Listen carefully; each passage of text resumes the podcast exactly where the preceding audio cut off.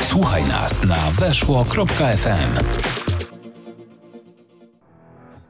Super seria, najsilniejsza audycja na antenie Weszło FM. Rozmawiam z przedstawicielami różnych sportów o ich diecie, suplementacji i treningów. Każdy poniedziałek na Weszło FM. Adam Kotleszka, zapraszam.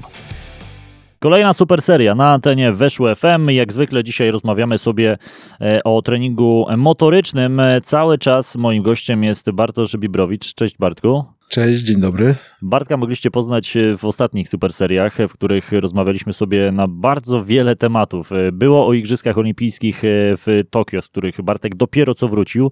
E, Bartek jest doskonale znanym już e, trenerem w Azji, w Polsce coraz bardziej, ale trzeba go jeszcze troszeczkę nagłaśniać i to jest też moja rola właśnie w, te, w tej audycji i zresztą on sam e, za siebie doskonale e, tutaj e, odpowiada. Bartek, dużo rozmawialiśmy o tak zwanym high performance, czyli o tym najwyższym levelu e, z pracy z zawodnikami w 100% zawodowymi i często mistrzami olimpijskimi czy mistrzami świata. E, Tej audycji też słucha oczywiście wielu e, amatorów sportu i chciałbym, żebyśmy sobie dzisiaj trochę porozmawiali też o tym, jak pewne aspekty z tego high performance przenosić do treningu amatorów czy też półprofesjonalistów.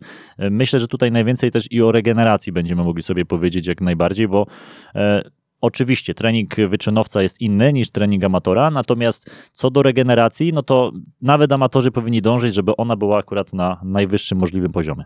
Jeśli będziemy mówili o regeneracji, najpierw skupmy się przede wszystkim, jaki jest cel regeneracji i w jakiej dyscyplinie jesteśmy. Mhm. Tak? Bo regeneracja może być dla amatora, który na przykład uprawia triatlon, Mhm. tak? A może być po prostu amatorskim graczem w piłkę nożną. To jego wymagania do regeneracji będą całkiem inne. Więc można przejść przez formę regeneracji, którą chcemy osiągnąć, czy poziom, który chcemy osiągnąć względem homeostazy naszego organizmu. Mhm. Czyli każdy wysiłek, czy to jest trening, czy to jest stres w pracy, czy to jest praca, to jest stres. Mhm. I ten stres na nas oddziaływuje. I regeneracja jest to, żeby te skutki tego stresu niwelować. Czy to będzie po, pod względem jakby treningu, czy pod względem po prostu powrotu do domu i regeneracji, wyciszenia naszego organizmu i przygotowania go do kolejnego stresu. Więc jednym z kluczowych elementów ele- e, regeneracji będzie zawsze, będę powtarzał, że będzie sen Mhm. sen, tak? I to może jest powtarzane cały czas, ale u amatorów ten sen będzie kluczowy. I on, bo, bo jest najtańszy. Tak, nie trzeba wydawać na kryohomory i inne nowinki techniczne. No i teraz, jeśli chcemy poprawić nasz sen, to są po prostu odpowiednie metody, które my stosujemy z zawodnikami, które pozwalają nam, gdziekolwiek będziemy, podróżując czy, lub nie, będziemy mieli te same rutyny. Mhm. czyli te same standardy, których będziemy chcieli, żeby nasi zawodnicy y, używali. To znaczy, protokołem takiej poprawy jakości snu jest systematyka. I to będę zawsze powtarzał, czy jesteś amatorem, czy jesteś zawodowcem. Musisz być systematyczny w działaniach, żeby stworzyć sobie pewnego rodzaju rutynę i organizm powinien wiedzieć, kiedy ma się włączyć i wyłączyć. Mhm. Wtedy po, polepszymy na pewno jakość tego odpoczynku. Mhm. To, co jest bardzo ważne, to jest w jakiej formie my śpimy i gdzie śpimy. Czyli wchodząc bardziej w poprawę snu, czyli to, co możemy jeszcze zrobić za darmo, odłóżmy telefony. Mhm. Odłóżmy telefony przed snem. Jeśli mamy możliwość, dużo lepiej, i to my mocno rekomendujemy, i w takiej drastycznej formie, którą ja się spotkałem w Azji, to było zabieranie telefonów na noc Okej. przez trenerów. Czyli co, przed wieczorem każdy zdawał swój telefon? Na kolację oddawał. Okej. Na, na kolację oddawał albo pół godziny e, po kolacji, bo zwykle ten czas, pół godziny po kolacji jest jeszcze, żeby wykonać Mhm. telefony, nie wiem, z rodziną. Jeśli mamy młodych zawodników, to oni zwykle dopiero mają czas, żeby zadzwonić do, do mamy, do, do rodziców, do dziadków czy do kogokolwiek. Ale żeby je zabrać. Mhm. Kolejną formą to było, żeby dołożyć im książki i czytanie. Mhm. Czytanie przed snem bardzo mocno wycisza organizm. I na to też sprawdziliśmy i z, robiliśmy z zawodnikami proste testy i badaliśmy ich poprzez urządzenia, które mierzą raz, że fale mózgowe, dwa, HRV, czy częstość skurcze serca względem e, spania i pozycji i spoczynku Mhm. I wyszło, że to działa Mhm. u zawodników bardzo profesjonalnych. Czyli czytanie jednocześnie nam wycisza całą głowę. Czyli to są dalej rzeczy, powiedzmy, w miarę da- darmowe. Następnie dobre nawodnienie przed snem. Żeby po prostu być, żeby organizm mógł, jak ja to mówię, przefiltrować metabolity podczas snu. Mhm. Dwa, temperatura. Temperatura w pokoju, która jest, no oczywiście mając teraz takie upały w Polsce, nie mając klimatyzacji, bo klimatyzacji dopiero gdzieś, no nie wszyscy mogą sobie na to pozwolić, ale im chłodniej, tym lepiej. Tak, tak, takim optymalnym, osobiście dla mnie temperaturą optymalną jest 20 stopni. Mhm. Czyli nie jest to ani, Zimno, ani, ani, ani ciepło. Mhm. W Chinach zawodnicy lu- lubią mieć temperaturę około 18. Czyli jeszcze chłodniej. Jeszcze chłodniej. Mhm. No ale ja, ja ci powiem, ja po sobie wiem, że na przykład ja też im zimniej, tym lepiej. Jak latem to w ogóle najchętniej bym spał na balkonie, albo, albo właśnie w klimatyzacji też pewnie około 18 stopni. Mm, To też może być. Ja akurat lubię taką neutralną bardziej temperaturę z tego względu, że się rozkopuje to. Okej. Więc, e, więc wolę, żeby nawet jak wyjdę, to, to żeby pod tą kołd tej kołdry nie będzie, to będzie mi dużo, dużo przyjemniej. To jest po prostu moje, Jasne. moje, moje, moje, przy- m- mój nawyk, powiedzmy tak. Kolejną rzeczą też, którą mamy na temat snu i to, co na mnie działa bardzo dobrze i to, co zarekomendowaliśmy zawodnikom, to są opaski na noc. Mhm. Opaski na oczy. Po to, żeby organizm nie dostawał tego porannego światła i się wybudzał wcześniej. Jeśli nie, oczywiście nie mamy możliwości zasłonienia okien na ciemno. Zawodnicy w Chinach zaraz po treningu, i to jest bardzo ważna rzecz, i myślę, że to też będziemy mogli e, powiedzieć, nawet w ciągu dnia zasłaniają okna. Pokoje są bardzo ciemne. Mhm. W ciągu dnia. Z czego to wynika w ciągu dnia? Ze względu na drzemki. A, okej. Czyli drzemka też jest kolejną bardzo dobrą formą tanią poprawy jakości regeneracji. I teraz w Chinach jest tak, że ludzie w okolicach przerwy obiadowej po prostu śpią. Mhm. Śpią w swoim miejscu pracy.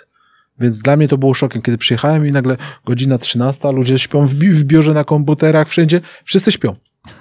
I to jest dozwolone. To jest dozwolone. Mhm. Taka przerwa pomiędzy godzina a półtorej godziny w pracy po, ze względem zwiększenia efektywności jest całkowicie e, e, zezwolona przez pracodawców. Mhm. Bo chodzi tylko i wyłącznie o to, żeby po jedzeniu mieć ten czas na taki sen, na taką drzemkę, która pozwoli. Więc drzemki w Chinach są zwykle od 15 do godziny. Mhm. I po prostu ludzie śpią. Hmm.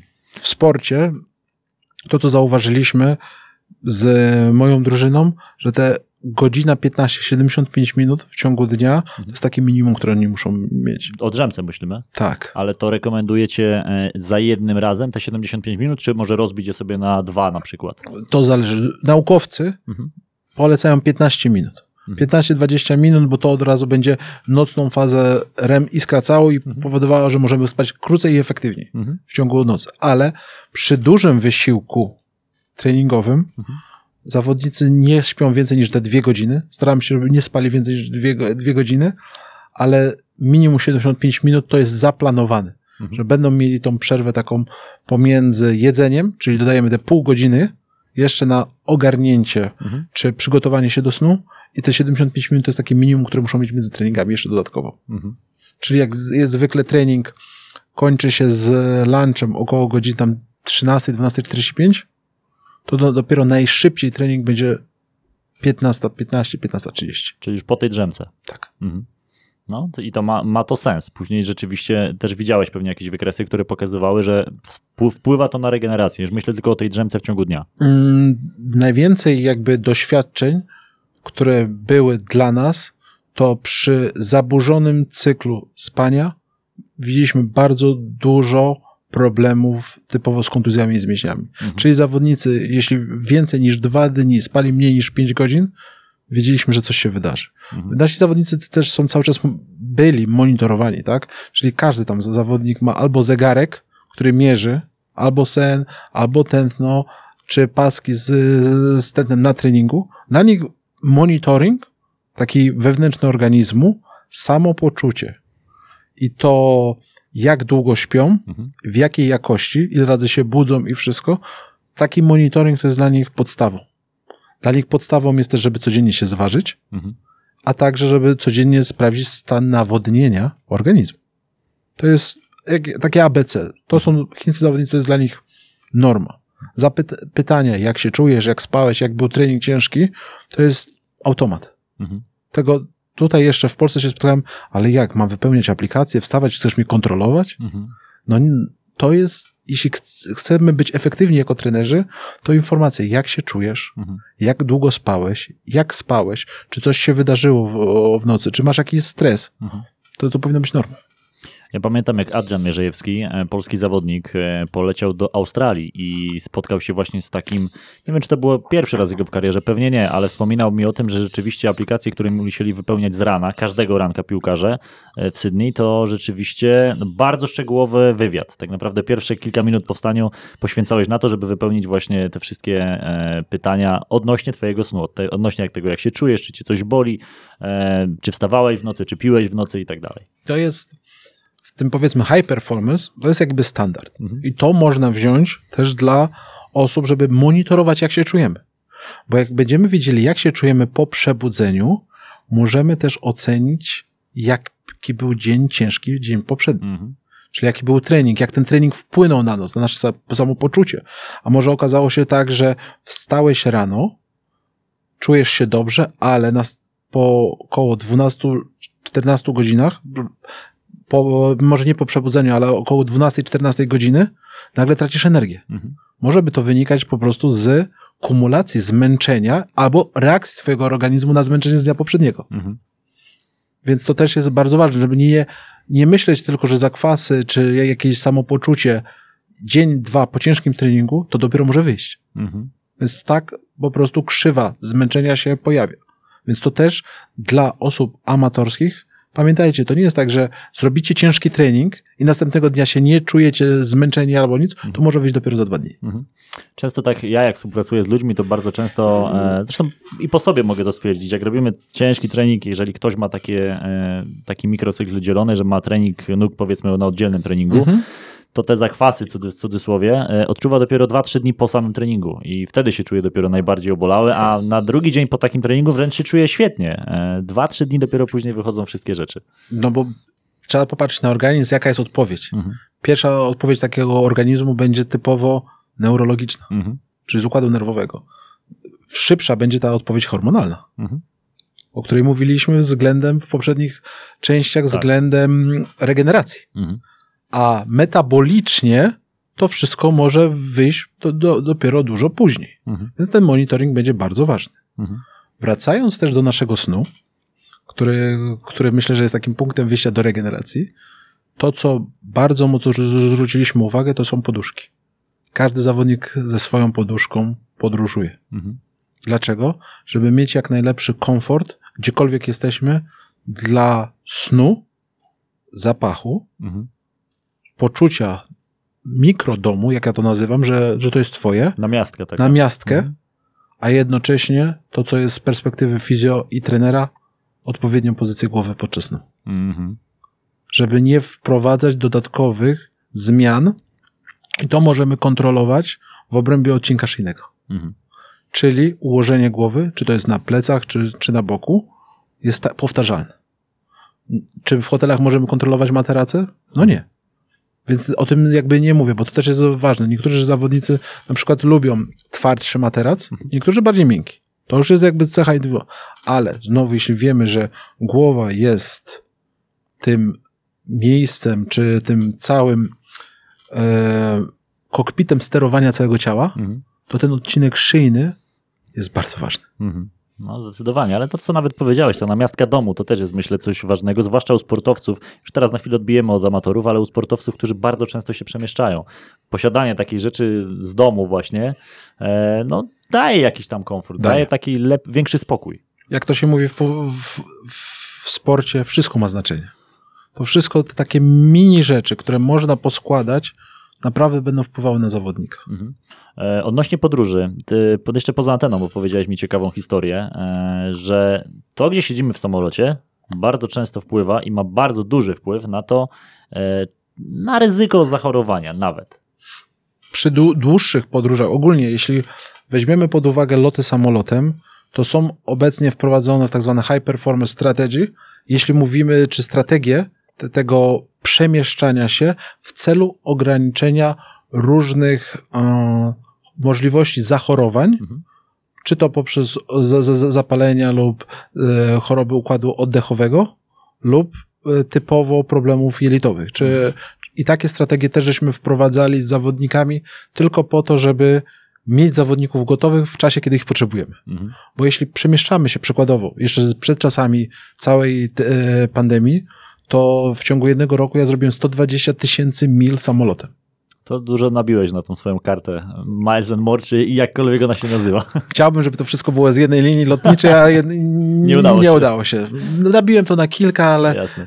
potem, potem się wysypało wszystko i Aha. no, jednocześnie nie udało się spieniężyć tych punktów. No ale Jasne. tak było, kiedy podróżowaliśmy też z drużyną siatkówki, bardzo dużo, grając Ligę Światową, gdzie lataliśmy, mieliśmy obóz w Brazylii i Argentynie. Mhm. Za czasów re, trenera Raula Lozano. Tak, bo w 2017 i 2018 roku byłem członkiem sztabu e, trenera Lozano i też odpowiadałem jakby za zdrowie, prewencję i trening zawodników. Mhm. Więc takie strategie też żeśmy podjęli. Mhm. E, Podjęliście je na podstawie tego, że po, po wielu lotach, gdzie ta kumulacja tych podróży następowała, e, zauważyliście, że co jakiś czas zawodnicy chorują po, po, po takiej wycieczce samolotem. Zwykle po dłuższych lotach, i to nawet nie, nie nasza drużyna, jest zwykle tak, że w badaniach, które były przeprowadzane wśród profesjonalnych zawodników i zawodników rugby, Mhm. duża ilość lotów powodowało, że procent zawodników zwykle posiadał jakąś infekcję i niezdolność do przede wszystkim treningu i meczu. Mhm. Więc jeśli weźmiemy drużynę 12-14 osób, wypadają ci dwie, Mhm. No to Procentowo- procentowo, bardzo dużo. i teraz pytanie, jakiej kategorii to jest e, zawodnik, czy to jest podstawowej, Mhm. czy na przykład rezerwowej. Tak? Ale dla mnie i tak wszyscy są ważni, bo chcemy mieć możliwości przede wszystkim treningu, to o czym mówiłem. Czy jak wypadnie nam dwóch, to jest inna intensywność treningu, bo nie ma przerw i nie ma wymian. No tak. Więc to też zmienia strukturę treningu. Więc na to trzeba też popatrzeć. I zwykle jak się dużo lata, no to to będzie kluczowe. Mhm. Dodatkowo w samym samolocie nawet normalnie osoby podróżujące mogą złapać infekcję. Mhm. Dlatego też teraz w, w, jakby w całym, w całym tym czasie pandemicznym też się zaleca odpowiednie strategie, ale o tym nie mówmy. To zabierzmy Mhm. i mówmy o strategiach, które można wykorzystać podczas lotu, czy z drużyną, czy z zawodnikami, czy nawet rodzinnych, Mhm. gdzie to ryzyko e, zachorowania jest najmniejsze. Mhm. Przede wszystkim trzeba ograniczyć, jeśli chcemy ograniczyć możliwość zachorowania w samolocie, ruch Mhm. czyli poruszanie się po samolocie. I teraz są w badaniach pokazane miejsca transmisji, czyli najlepsze siedzenia, czyli te zwane asile, czyli z brzegu, są narażone na największą liczbę cyrkulacji powietrza i także największą ilość dotyku Mhm. poprzez osoby, bo przechodzą, Tak, zgadza się. więc to jest jakby najbardziej, e, największa możliwość zakażenia w Mhm. różnych formach. Miejsca przy oknie procentowo pokazują, że jest najbardziej ograniczony ruch Mhm. w samolocie i najbezpieczniej. To, to się gryzie z tym, że jednak no, w czasie lotów często się wręcz y, zaleca, żeby się jak najwięcej ruszać, no ze względu właśnie na to, żeby się, w cudzysłowie mówiąc, nie zastać, tak? Żeby gdzieś tam organizm cały czas był Są na to też pobudzony. strategie. Mhm. Są też na to strategie. Jeśli usiądziemy przy oknie, to automatycznie w wielu procentach minimalizujemy ze względu na trochę pozycję, w której jesteśmy, ilość ruszania się. No bo nie chcemy naszej osoby z boku Mhm. ruszać, żeby wyjść na przykład gdzieś. Mhm. I to jest jakby, to już wiemy, że ruszamy się w samolocie mniej. Ale jednocześnie okno jest tym- miejscem najmniejszej transmisji Mhm. i najmniejszego cy- cyrkulacji. Doskonale wiemy, że na przykład powietrze w samolocie jest wymieniane tylko w 20-30% Mhm. podczas lotu. To też jest bardzo ważne. Mhm. No i teraz mówisz o zastaniu. Są strategie i są e, aplikacje i są urządzenia, które można stosować w, podczas lotu, jeśli chcemy pewne rzeczy robić. Taką, sta, ta, takie są specjalne mini urządzonka do treningu izometrycznego, Mhm. które my dawaliśmy zawodnikom, żeby mogli jednocześnie się powodować napięcie, czy to w obrębie łydek, dużych mięśni, partii mięśniowych, izometryczne i mieć przy, przy, przy okazji trochę fanu. Mhm. Czyli brali swojego smartfona, dostawali ode mnie ta, e, to urządzonko i wykonywali 6 do 10 minut treningu izometrycznego w samolocie. Czyli napinanie, Na, luzowanie. napinanie, luzowanie. Mhm. Wow, e, to na całe ciało, czy tylko na nogi? Jak to wyglądało? Na całe ciało. Na całe ciało. Na całe ciało możesz wykonywać taki trening, bo to możesz ściskać dwoma rękami, tak jakbyś się prawie modlił. Możesz wsadzić między kolana, ściskać. Możesz wsadzić podpięte i naciskać. Mhm. Możesz wsadzić podpięte i naciskać do tyłu, tak jakbyśmy zginali staw kolanowy. Mhm. Możesz pracować w różnych napięciach i masz odpowiednie gry, które w odpowiedniej intensywności między 40 a 60-80% napięcia maksymalnego, bo przed każdą grą wykonujesz test na daną partię mięśniową, Mhm. określa ci twoją intensywność na 30 sekund. Nieźle. To takie proste wydawałoby się oczywiste, a jednak no, nie, nie aż takie oczywiste, nie tak często wykorzystywane. Dokładnie, jeśli to mówimy dalej o samolocie. Mhm. Kolejną ze strategii, którą wykorzystuje się w zawodowym sporcie, to jest jedzenie w samolocie. To, co zauważyliśmy i rekomendowaliśmy, nie to, że wymagaliśmy, to też trzeba powiedzieć, e, loty powyżej 6 godzin fajnie jest wykonywać z tak zwanym postem przerywanym Mhm. czyli lecieć na tak zwanym fasting. I to też rekomendowaliśmy zawodnikom, żeby nie iść w samolocie. Mhm. Raz, jest większa ekspozycja powietrza, jest większa ekspozycja ruchu pomiędzy ludźmi podczas jedzenia, Mhm. to co zwiększa jakby e, ryzyko, ale to, co zauważyliśmy, że post przerywany na dłuższych lotach pozwala nam się szybciej zaaklimatyzować po przylocie. O, to ciekawe.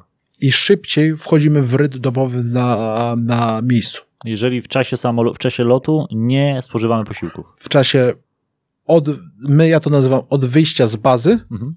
dojazdu do lotniska, Mhm. lotu, dojazdu do miejsca docelowego. Czyli jeśli mówimy o lotach 8 godzin, to wiemy, że ten post przerwany będzie trwał około 16. Mhm. I to rzeczywiście ma wpływ na późniejszą aklimatyzację. W- w- Znalazłem takie badania i także inni trenerzy też Aha. e, tak rekomendowali, żeby to spróbować. Spróbowałem to na sobie. Działa. Jak to jest uza- uzasadnione? W jaki sposób nasz organizm przez ten post lepiej się później adaptuje do warunków na miejscu? Mm, Jeśli miałbym wejść w aspekty fizjologiczne bardzo mocno, to myślę, że są dużo lepsi, dużo lepsze osoby, jakby naukowcy, którzy mogą to wyjaśnić. Mhm. Ale dla mnie, ja zauważyłem, że przede wszystkim miałem lepszy sen w samolocie, bo ja lubię dużo spać. Mhm. Po, po przyjeździe mój organizm chciał być, chciał być trochę taki awake Mhm. i od razu ilość spoży, pożywienia, które, które jadłem, wiedziałem jakby, że moja głowa, czy, czy mój organizm będzie lepiej to absorbował. Mhm. Bo on będzie wybierze sobie te tak. rzeczy, które będzie miał potrzebne, czyli moja regeneracja po Mhm. takim locie będzie lepsza. W- Teraz popatrzmy może na, na ogólnie, na post przerywany w formach stosowania u, u mm, może nie sportowców, a u amatorów. Mhm. Zwykle ludzie stosują go w celach kontroli met metabolicznej organizmu. Mhm. Czy to utraty e, tkanki tłuszczowej, czy to w redukcji, czy w rekompozycji. Jest to stosowana jedna ze strategii. Zgadza się. Jest, są na nią badania pokazujące, że ona może być dla odpowiedniej grupy osób z dużymi benefitami. Mhm. Bo to też trzeba znowu powiedzieć, nie, post przerywany nie jest dla wszystkich. Mhm. I teraz znowu, na pewno znajdą się osoby, które powiedzą, no tak, ale sportowcy muszą jeść co między 4 a 5 godzin. Tak. No okej, jeśli nie zastosujemy strategii numer jeden, zastosujemy strategię numer dwa. Mhm. Jako sztab musimy przygotować zawodników, żeby zamiast tego, co je, mogą jeść w samolocie, bo nie wiemy, jak mocno jest to przetworzone jedzenie, nie wiemy z jakiego jest źródła i nie wiemy, jak długo było podgrzewane lub jak długo było w lodówce. Mhm. Czyli musimy zminimalizować ryzyko zatrucia. Najlepiej odstawiając przygotowane wcześniej jedzenie i koncentrując się na tym, co mamy. Czyli tak zwane snaki, Mhm. nawet na podróż, w odpowiedniej ilości, to jest też yy, w działaniach sztabu, fizjo, lekarza, lekarza, to znowu, jeśli mówimy o Chinach, lekarza medycyny chińskiej, żeby to przygotować. Hmm. Dla każdego zawodnika dać mu taki pakunek. I co w tym pakunku się znajduje na ogół? Zwykle suszone rzeczy, Mhm. czy, czy to wołowina, Mhm. czyli musi być podaż białka, musi być, e, znajdują się też orzechy Mhm. w różnej formie, suszone owoce. Wszystko co, to, rzeczy, które będą w innej formie przetworzone, Mhm. ale z, z źródła takiego, które my znamy. Mhm. To, co jeszcze mieliśmy, mieliśmy batony proteinowe lub batony energetyczne. Mhm. Bo w zależności jaki zawodnik, jakie ma upodobania, jeśli zawodnik na przykład jest w tym momencie w treningu, powiedzmy, powrocie po kontuzji, mimo z nami po, podróżował, Mhm. to też staraliśmy się mu dać odżywienie, czyli ilość aminokwasów, żeby cały czas w organizmie była celem dla, cały dla regeneracji nawet podczas lotu. Jasne. I to, to, to była jedna z takich strategii. Ograniczyć i, i jak to się mówi w Chinach, dużo gorącej wody. Dużo gorącej wody. Skąd to wynika? Dużo gorącej wody, żeby nie męczyć. e, W Chinach się nie pije, mało pije się zimnych napoi. Aha. Wszystko po to, żeby nie mieć problemów żołądkowych. Jest to jeden z elementów filozofii chińskiej. Na wszystko działa gorąca woda. Hot water. Hot wszystko, water. wszystko jest hot water. A to ciekawe, stosowałeś na, na sobie, będąc w Chinach, na ogół ciepła woda tylko? Osobiście wolę gorącą herbatę niż, Niż ciepłą wodę. niż ciepłą wodę. Hot water niestety na mnie tak nie działa. Aha. Nie ma, może nie trafiłem na magiczne źródło tej gorącej wody Mhm. i zostawiłem to w formie tradycji dla nich. Może mój organizm po prostu nie był w stanie tego przetworzyć i wyciągnąć esencji z, z tej gorącej wody. Bardzo prawdopodobne. Chiny to jest w ogóle miejsce, no sam wiesz, pewnie ciężko porównać je do jakiegokolwiek innego miejsca na świecie. I zastanawia mnie, ile jeszcze takich mm, dziwnych albo interesujących y, zwyczajów y, spotkałeś, nawet około treningowo, nawet około regeneracyjnie, jak nawet mówisz o tej ciepłej wodzie. Czy coś jeszcze ci się nasuwa na myśl? Tak, i to myślę, że też może być ze strategii regeneracyjnych ilość używania lodu, Mhm. czy krioterapii w różnych formach, ogólnie w różnych stanach e, treningowych u kobiet. Zwykle jest tak, że podczas e, e, powiedzmy tych dni u kobiet, czyli mówimy tutaj o miesiączkach, czy mówimy o owulacji, nie stosuje się w ogóle lodu na całe ciało. Nie stosuje się. Nie stosuje się. A, Z, z filozofii chińskiej po prostu jest pokazane tak, że mm, żeby nie zaburzać e, tej energii wewnętrznej. Aha. Ciekawe. E, to rzeczywiście nie spotkałem się raczej z takim czymś gdzieś indziej na świecie. Mm, Jest, jest to gdzieś w filozofii ogólnie chińskiej, Mhm. ale jakby jakie jest tego geneza, Mhm. jak, jak nie wnikałem. Po prostu powiedziano mi, żeby nie stosować za dużo lodu i ogólnie ilość lodu stosowana w kontuzjach. Jeśli popatrzymy na siatkarzy, koszykarzy, to to pierwsze, co jest po, po meczach, to jest lód. Lód. Mhm. W Chinach zimno nie jest aż tak mocno eksponowane. Mhm. ale jest też z, z, zmienione i to też się zmienia, bo ilość, jakby oddziaływanie temperatury, to co my wprowadziliśmy, to jest indywidualizacja temperatury względem procesów regeneracji. Mhm. Czyli nie jak w Polsce jest im więcej lodu, tym lepiej, Mhm. ale używanie temperatury w grupach zawodników na poziomie tka- ile mają tkanki tłuszczowej, Mhm. tolerancji na zimno i procesów fizjologicznych w basenach z wodą o różnej temperaturze. Mhm. I to, żeśmy programowali z jednym z naukowców właśnie z Belgii na temat, które temperatury mogą być bardziej optymalne względem regeneracji. Bo nie na wszystkich będzie działała temperatura 0 stopni, a i tak wiemy, że większość benefitów osiąga się w temperaturze 6 do 8. Mhm. E, No, też wiele badań pokazuje, że nawet dla regeneracji, nawet amatorów, tuż po wysiłku, jeżeli już bierzemy ten prysznic, to na przemian, tak? Ciepła woda z zimną wodą, letnia woda z zimną wodą, letnia z zimną. To też jest taki dosyć często spotykany motyw regeneracyjny. I jest to bardzo dobre. Mhm. Jeśli chodzi o znowu dobór ilości czasu, czy to będzie działało fizjologicznie, bo to też py- pytanie, jak, jak silny jest bodziec Mhm. do wymuszenia jakby fizjologicznej reakcji organizmu. Na pewno na głowę będzie to działało. Mhm. Sto, stosowanie zimno i ciepłych są też w fizjoterapii, nawet na studiach się ludzie tego uczą. To, co robi się w zawodowym sporcie, Mhm. to stara się indywidualnie dobierać do zawodnika temperatury. Mhm.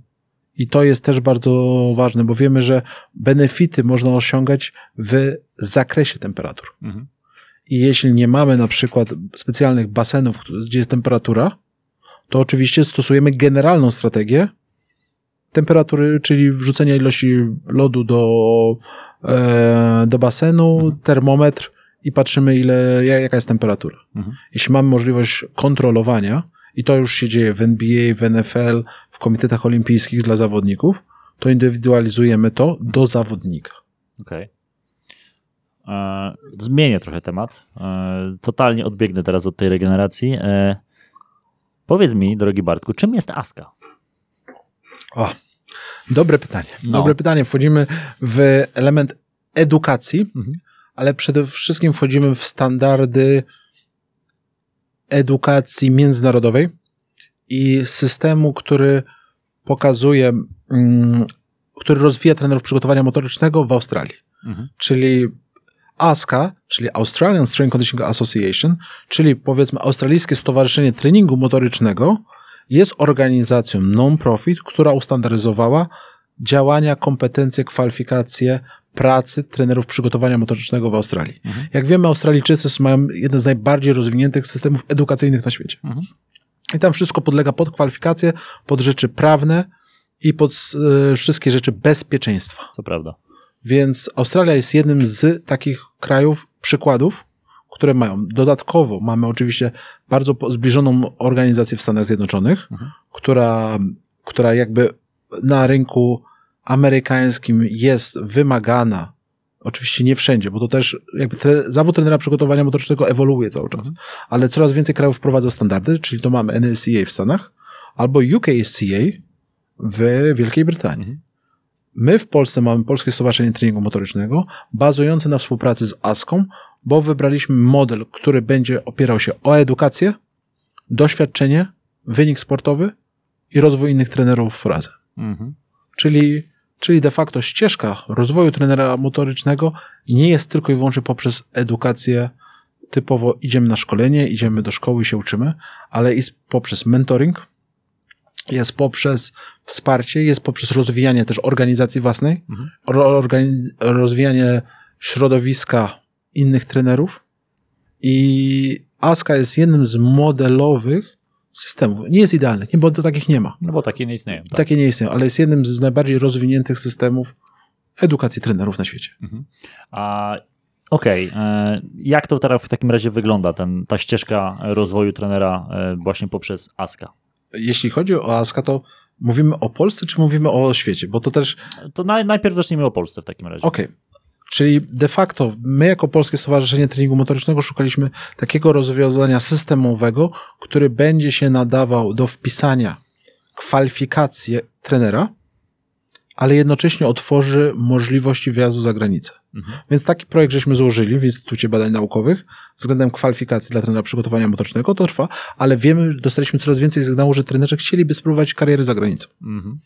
Więc żeby nie ograniczać, to trzeba było dać kwalifikacje, żeby zrobić ABC w tym treningu. Oczywiście mówimy o bezpieczeństwie. Czyli kwalifikacja daje ci bezpieczeństwo do wykonywania, powiedzmy, zawodu Mhm. W Australii, bo bez, te, bez dokumentów ASKA nawet nie można pracować Mhm. tam. Więc ASKA dzieli się na trzy elementy, czyli praca w sporcie amatorskim Mhm. lub półzawodowym, w sporcie zawodowym i w sporcie elitarnym. Czyli do, żeby dojść do poziomu elitarnego, to potrzebujesz około 7 do 10 lat pracy. Czyli jest zmniejszony pro, procent ryzyka niedoświadczonych trenerów do pracy z najlepszymi zawodnikami. No i to do minimum jest zmniejszone. Bo po prostu trzeba przejść ścieżkę, trzeba mieć doświadczenie. No tak. Ja już nie mówię tylko o edukacji, że, że odbycie szkolenia. Nie. W motoryce najważniejsze jest doświadczenie. Najważniejsze jest doświadczenie wyciągnięte z miejsca pracy, z rozmowy z innymi trenerami i system ASCA się do tego zmusza. Czyli mamy pierwszy poziom, czyli zawo- zawodnicy, trenerzy odbywają szkolenia, dostają możliwość y, odbycia materiałów ASCA do pracy z zawodnikami na tym poziomie, jak to się mówi, prowincjonalnym. Mhm. I to tak jest, na przykład ASCA już jest w dwóch dodatkowo największych krajach na świecie. Mhm. Czyli Chiny wymagają australijskich papierów, jeśli ktoś przyjeżdża z zagranicy, i Indie. Wymagają, czyli Wymagają. bez nich nie można podjąć pracy. Jeśli chodzi o Komitet Olimpijski, już nie. Mhm. Okej. Jeszcze na poziomie prowincji tak. Ale trenerzy, którzy na przykład pracują w UFC Performance Institute w Szanghaju, Mhm. wszyscy są trenerami ASCA. okej. W Holandii trenerzy pracujący w Komitecie Olimpijskim mają szkolenia ASKA. Mhm. Mimo, że mają swoją, bo ten system po prostu pozwala im międzynarodowo pracować. W Indiach jest bardzo podobnie. Cały Instytut Sportu też jest oparty o szkolenia ASKA. I to, co jest zrobione, czyli taki kandydat czy młody trener odbywa szkolenie i to szkolenie to jest dopiero początek. Mhm. Następnie ma do wypełnienia ilość godzin praktyk pod względem superwizji, czyli ma trenera, który ma wyższe kwalifikacje niż on i musi zaświadczyć, że on ma możliwości i ma potencjał do prowadzenia Mhm. zajęć z ludźmi, czyli, czyli zawodnikami na poziomie amatorsko-półzawodowym. Mhm. I następnie mamy z praktyki z superwizją i dodatkowo bez superwizji. Czyli on sam w ramach takiego homeworku musi też to wy, wy, wypełnić i się rozwijać. Co zmusza go jednocześnie do pogłębiania wiedzy. Mhm. Następnie, Żeby utrzymać, kwalifikacja jest nadawana na dwa lata. Mhm. Czyli za dwa lata on musi ją zweryfikować lub musi odbyć kolejne szkolenie doskonalające na poziomie drugim. Mhm. I to szkolenie już jest bardziej zaawansowane. I ono składa się z, w, w Polsce z 4 do 5 dni szkoleniowych dodatkowo. Jest całe po angielsku, bo jakby nie tłumaczymy, nie tłumaczymy tego szkolenia, bo to są kwalifikacje międzynarodowe. Mhm. Więc dopiero jesteśmy na etapie przygotowywania, tak jak mówiłem, kwalifikacji względem Polski, ale jeśli ktoś już będzie miał kwalifikację międzynarodową, to w polskiej sekcji chcielibyśmy, żeby było też to uznane. Że jeżeli zrobiłeś coś wyżej, Mhm. to będzie działało niżej, Jasne. a nie ograniczać się. Możesz robić inne też szkolenia, ale żeby tobie pomóc, żebyś mógł e, po prostu w Polsce mieć to, to już jakby zaliczone. No i teraz, w tym systemie, już jeśli mówimy o stopień drugi, gdzie już wchodzimy trochę w zawodowstwo, Mhm. wymagane są odpowiednie dokumenty. Czyli musisz mieć ukończone studia. Mhm. Albo z kinezjologii, albo z AWF-u, albo z fizjoterapii na poziomie minimum licencjata. Mhm. Czyli musisz odbyć też już ścieżkę edukacji na tym poziomie. Dodatkowo, jeśli chcesz wejść na poziom drugi, to musisz mieć już doświadczenie jako trener. Mhm. Czyli musisz przepracować ileś tych godzin. Zwykle to są minimum dwa lata pracy. Mhm. Dwa lata na- na poziomie tym, który był wymagany na poziomie pierwszym Mhm. lub wyższym. Dodatkowo musisz się wykazać e, wsparciem dla młodszych osób, czyli musisz mieć mentora Mhm. I ten mentor musi się potwierdzić, przepraszam, dwóch mentorów musi potwierdzić, że twoje umiejętności ruchowe, wykonywanie ćwiczeń Mhm. jest na odpowiednim poziomie.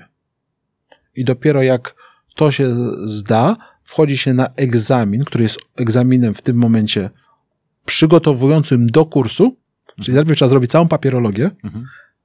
dostaje się dostęp do kursu, który składa się z 12 modułów, 9 albo 12 modułów, przy, czyta się całe materiały, które będą na kursie, Mhm. zdaje się egzamin w formie testów wielokrotnego wy, wy, wyboru Mhm. i następnie dopiero się bierze udział w szkoleniu. No, to trochę odwrócona jest ta kolejność niż w większości Po kursów. szkoleniu, to jest bardzo ważne, Mhm. po szkoleniu zdaje się dodatkowo jeszcze egzaminy. Mhm. I te egzaminy są wymagane przez rząd australijski w tematyce e, tak zwanego clear sport, czyli mówimy o wszystkich rzeczach związanych z problemami hazardu w sporcie, Mhm. czyli to Australia wymaga, plus i dodatkowo dopingu w sporcie. Mhm. Czyli zdaje się dodatkowo jeszcze dwa egzaminy poprzez strony australijskie, żeby wykluczyć tak zwane mm, problemy, które mogą się nadarzyć w zawodowym sporcie Mhm. bo jako trenerzy przygotowania motorycznego w modelu australijskim, my jesteśmy jakby, powinniśmy być z dala od tych rzeczy. Mhm. Więc ten Clear Sport i y, Doping Control Program to są bardzo ważne rzeczy dla Australii. Mhm. I, i teraz, zdając e, te wszystkie egzaminy, kończąc szkolenie, trzeba zrobić jeszcze kolejną rzecz. Trzeba odbyć kolejną liczbę godzin praktyk Mhm. i dodatkowo wykazać się umiejętnościami typowo związanymi z wsparciem innych, czyli napisać artykuł. Artykuł albo case study ze swojej pracy, Mhm. pokazać jeszcze swoją pracę. Mhm. To już wtedy mówimy o poziomie Drugim. cały czas drugi. Cały czas drugi. No, to jest y, sporo tego. Średnio czas uzyskania kwalifikacji to jest pół roku. Mhm. Taki średni czas. Mówimy o poziomie drugim, że o poziomie roku. drugi to jest pół roku pracy. Takiej trenersko-dodatkowej. Można to zrobić w trzy miesiące. Mi to akurat zajęło z napisaniem artykułu w 2018 czy 2019 roku 5 miesięcy. Mhm. I potem jest level trzeci, Mhm. to już on jest, i tutaj, żeby do niego wejść, to trzeba mieć minimum 10 lat doświadczenia. Mhm. Trzeba mieć utrzymaną tą pozycję level drugi, bo to jest tylko na dwa lata. Mhm. Odnawiać to i to się składa, wykazujesz się pracą. Więc jeśli na przykład wypadniesz z zawodu trenera, Mhm. to nie masz jak e, wykazać, chyba że masz dodatkową pracę Mhm. na jakimś poziomie. I nie może być to poziom niższy niż zawodowy. Okej. Więc jakby jest non-stop e, może parcie na to, żeby się rozwijał Mhm. i żeby twoja kariera szła do góry. Mhm.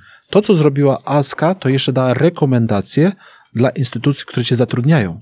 Czyli trenerzy na tym poziomie są jakby widełki Mhm. rekomendowanych zarobków wyżej i wyżej. Mhm. I zwykle od poziomu drugiego ludzie dopiero pracują w instytutach sportu, Mhm. w profesjonalnych klubach lub w komitetach olimpijskich, po to, żeby właśnie przesiać Mhm. najlepszych ludzi, dawać do, do, do sportu. Mhm.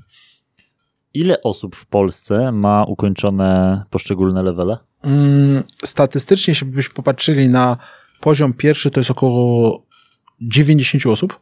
Poziom pierwszy. Poziom pierwszy. Jeśli chodzi o poziom drugi, z tego co kojarzę, dwie albo trzy. W całej Polsce. W całej Polsce. Dwie albo trzy. Tak. Możesz je wymienić?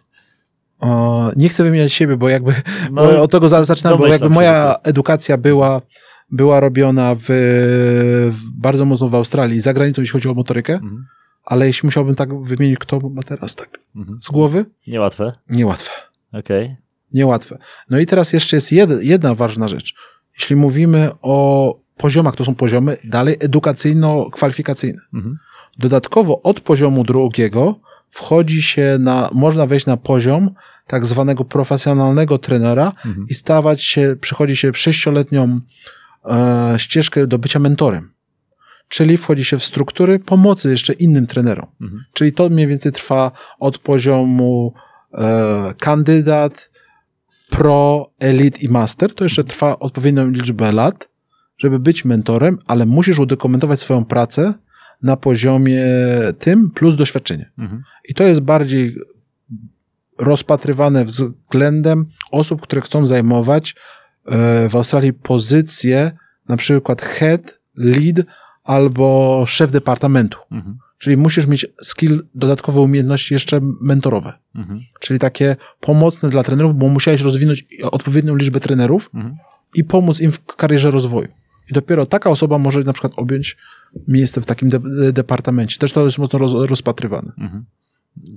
Droga kręta, wyboista i długa, natomiast no później rozumiem, że opłacalna. Opłacalna w tej perspektywie, że wiele krajów, jakby, tak jak wspomniałem, chce we, we, we wejść w struktury ASK, ale to, co robi ASK, oni mówią, to jest tylko nasza ścieżka edukacyjna. Mhm. Może być wiele szkoleń. Szkolenia są właśnie super, żeby was rozwijali w danym temacie. Ale jeśli chodzi o bezpieczeństwo zawodników i trafianie odpowiednich osób, to jeśli ktoś nie przyjdzie pewnego rodzaju kwalifikacji, może się do tego nie nadaje. Mhm. Oni patrzą bardzo systemowo Mhm. Do, do rozwoju trenerów. Więc na przykład patrząc na szkolenia, czy to w Polsce, czy to na, na świecie, największą wartością mają szkolenia te, które mają zewnętrzny poziom akredytacji Mhm. oceny jakości. Mhm. Czyli ja bym, patrząc z perspektywy, zawsze brał szkolenie, Mhm. które ma dodatkowo, ktoś sprawdził program z zewnątrz. Czyli ma jeszcze jakąś akredytację. I takie szkolenia są w Polsce i to mają na bardzo fajnym y, poziomie. Ale jeśli mówimy o kwalifikacjach, Mhm. to jest inna rzecz. Szkolenia doskonalające i zwykle takie szkolenia są doskonalającymi, nawet mogą się nazywać, że są kursami, czy, ale to nie są kwalifikacje. Mhm. Kwalifikacja jest tro- troszeczkę inna rzecz. Odbycie szkolenia to jest inne, czy odbycie kursu. Jasne. Więc jakby to, to też trzeba popatrzeć systemowo, jak to wygląda i oczywiście skoncentrować się na jakby na, na swojej ścieżce rozwoju. Ja wybrałem ścieżkę australijską, bo zacząłem, że ona jest najbardziej kompleksowa i rozwija człowieka, trenera w aspektach nie tylko treningowych, Mhm. ale przede wszystkim też aspektach tych behawioralnych, Mhm. dążenia do zdobywania poziomów i bycia w tym środowisku trenerów, którzy chcą się rozwijać i się dzielić wiedzą. Mhm. Bo ci trenerzy są rozsiani po, po całym świecie. Jasne. A właśnie masz dane, ile osób na świecie ma e, te mm, kwalifikacje ASKA ukończone? Ostatnie dane, które do, dostałem od, jakby od ASKA, gdzie rozmawialiśmy, to mówimy około 14 tysięcy osób. E, Na całym świecie. Mówimy o trzecim poziomie, czy o wszystkich? Nie, nie, nie, to mówimy o... No właśnie, bo a ciekawy mnie ten trzeci poziom, już ten, ten, naj, ten najwyższy. Ten najwyższy poziom z tego, nie wiem, czy nie można tego nawet sprawdzić na stronie, Mhm. to, to jest moim zdaniem około 50 osób na całym Na świecie. całym świecie. 50 może 100.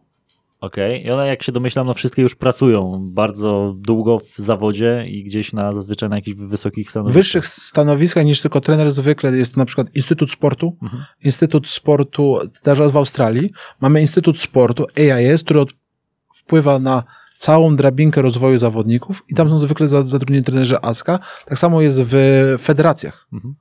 To są też osoby, które odpowiadają za programy. Mhm. Czyli nie jest tak, że, że ze- w związkach zatrudnia się trenera, tylko żeby robił trening, Mhm. tylko tworzy się program ścieżki rozwoju zawodników w danej federacji. Mhm. I oni przechodzą przez ten program. Najnowszym programem i takim high, de, de, de, high Performance Department, który został stworzony, to jest w Wielkiej Brytanii po Igrzyskach Olimpijskich w Londynie, gdzie był bardzo duży sukces. Następnie też była fala w Rio. I teraz mamy Igrzyska w Tokio. Zmieniono w ciągu tych ostatnich ty- tygodni całą ścieżkę rozwoju trenerów i federacji, żeby tworzyć, żeby cała federacja się rozwijała. Mhm. Nie tylko trenerzy pracujący w danej dyscyplinie, nie tylko motoryka, nie tylko fizjoterapia, ale cała administracja. Brzmi to sensownie. E, Jak często się takie szkolenia odbywają? Na razie myślę o levelu pierwszym, no bo pewnie ci, którzy nas słuchają, raczej nie mają ukończonego pierwszego nawet. Gdzie to można e, ukończyć? Jak to się odbywa już logistycznie? Jeśli chodzi o Europę, mówmy o Europie na początku, no to są zwykle cztery szkolenia w roku. Mhm. Dwa w Holandii, dwa w Polsce. Mhm. I one odbywają się mniej więcej co 6 miesięcy i na każde szkolenie jest maksymalnie 28 osób. Mhm. I one trwają, jeśli mówią o levelu pierwszym. Obecnie na szkolenia typu pierwszego lista rezerwowych jest ponad 200 osób W Polsce w tutaj? Polsce. Okej. Gdybyśmy chcieli jakby robić szkolenie za szkoleniem, Mhm.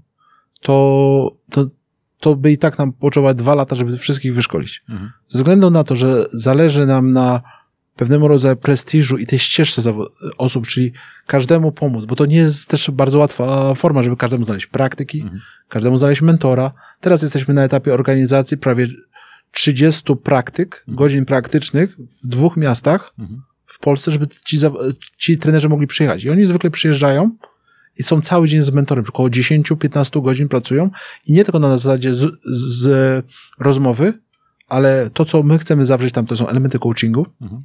elementy twórcze, czyli oni tworzą programy, Mhm. oni wykonują treningi na swoich małych grupach, żeby jeszcze lepiej się poznać. Mhm. Plus dodatko- dodatkowe case study, które, które robimy. Naj- Najbliższe na przykład tego typu e, praktyki, bo my to nazywamy praktyki albo w formie weekendowych kampów, Mhm. które są całkowicie bezpłatne dla trenerów. Będą się odbywały w okolicach połowy września. Ale to są już te praktyki, jak ktoś ukończył Tak, pierwszy tak, level. tak, tak, tak. Mhm. Jasne. W, e, w jakich miastach? Aktualnie plan jest Warszawa Mhm. i Wrocław. To są jakby, chcielibyśmy bardzo w Krakowie, ale aktualnie dopiero tworzymy sieć trenerów, mentorów Mhm. i to one są stworzone przez stowarzyszenie i wybraliśmy już spośród 30 kandydatów 5 osób, Mhm. przede wszystkim z doświadczeniem i z umiejętnościami pedagogicznymi, bo też o to jest bardzo ważne. I teraz mi się przypomniała jeszcze jedna rzecz. Dlaczego żeśmy wybrali Askę? Jeszcze jest je, je, jeden taki, taki ważny bardzo punkt. Aska posiada także level 0. Mhm. I to było kluczowe, czyli level 0 jest dla rodziców. Mhm. Ro, jak rodzice powinni wspierać rozwój młodego sportowca? Jak powinni kierować się wyborem trenera? Mhm. Czyli jak po, przygotować dziecko w ogóle do treningu? Okej. I to był też taki, taki jak mówię, czyli wy nie myślicie tylko o trenerach, nie, bo my chcemy, żeby też ludzie świadomie wybierali trenerów. Mhm. Czyli my chcemy stworzyć miejsca pracy. Całkiem mądre podejście. E, Bartek, kończymy tę część, pogadamy jeszcze, do, mam do ciebie sporo pytań e, w następnej części. Tak, to będzie, to będzie długie spotkanie, e, więc bardzo dziękuję za tę część. Po raz kolejny Bardzo dziękuję również. gościem Super Serii był Bartosz Bibrowicz. Jeszcze się z nim usłyszycie. Super Seria, najsilniejsza audycja na antenie Weszło FM. Rozmawiamy z przedstawicielami różnych sportów o ich diecie, suplementacji i treningu. W każdy poniedziałek na Weszło FM. Adam Kotleszka, zapraszam. Kamil Drygas, y, prostopadłe zagranie w stronę Majewskiego. Jest Kożuli, zagrywa teraz na prawą stronę. Będzie sytuacja. i- Jeszcze Zarandia. Chodzi w prawą stronę pola karnego Lecha Zarandia. Ależ kapitalnie. Piłka wraca do Żurkowskiego. Gol! Gol dla Górnika Zabrze! Weszło FM. Najlepsze radio sportowe.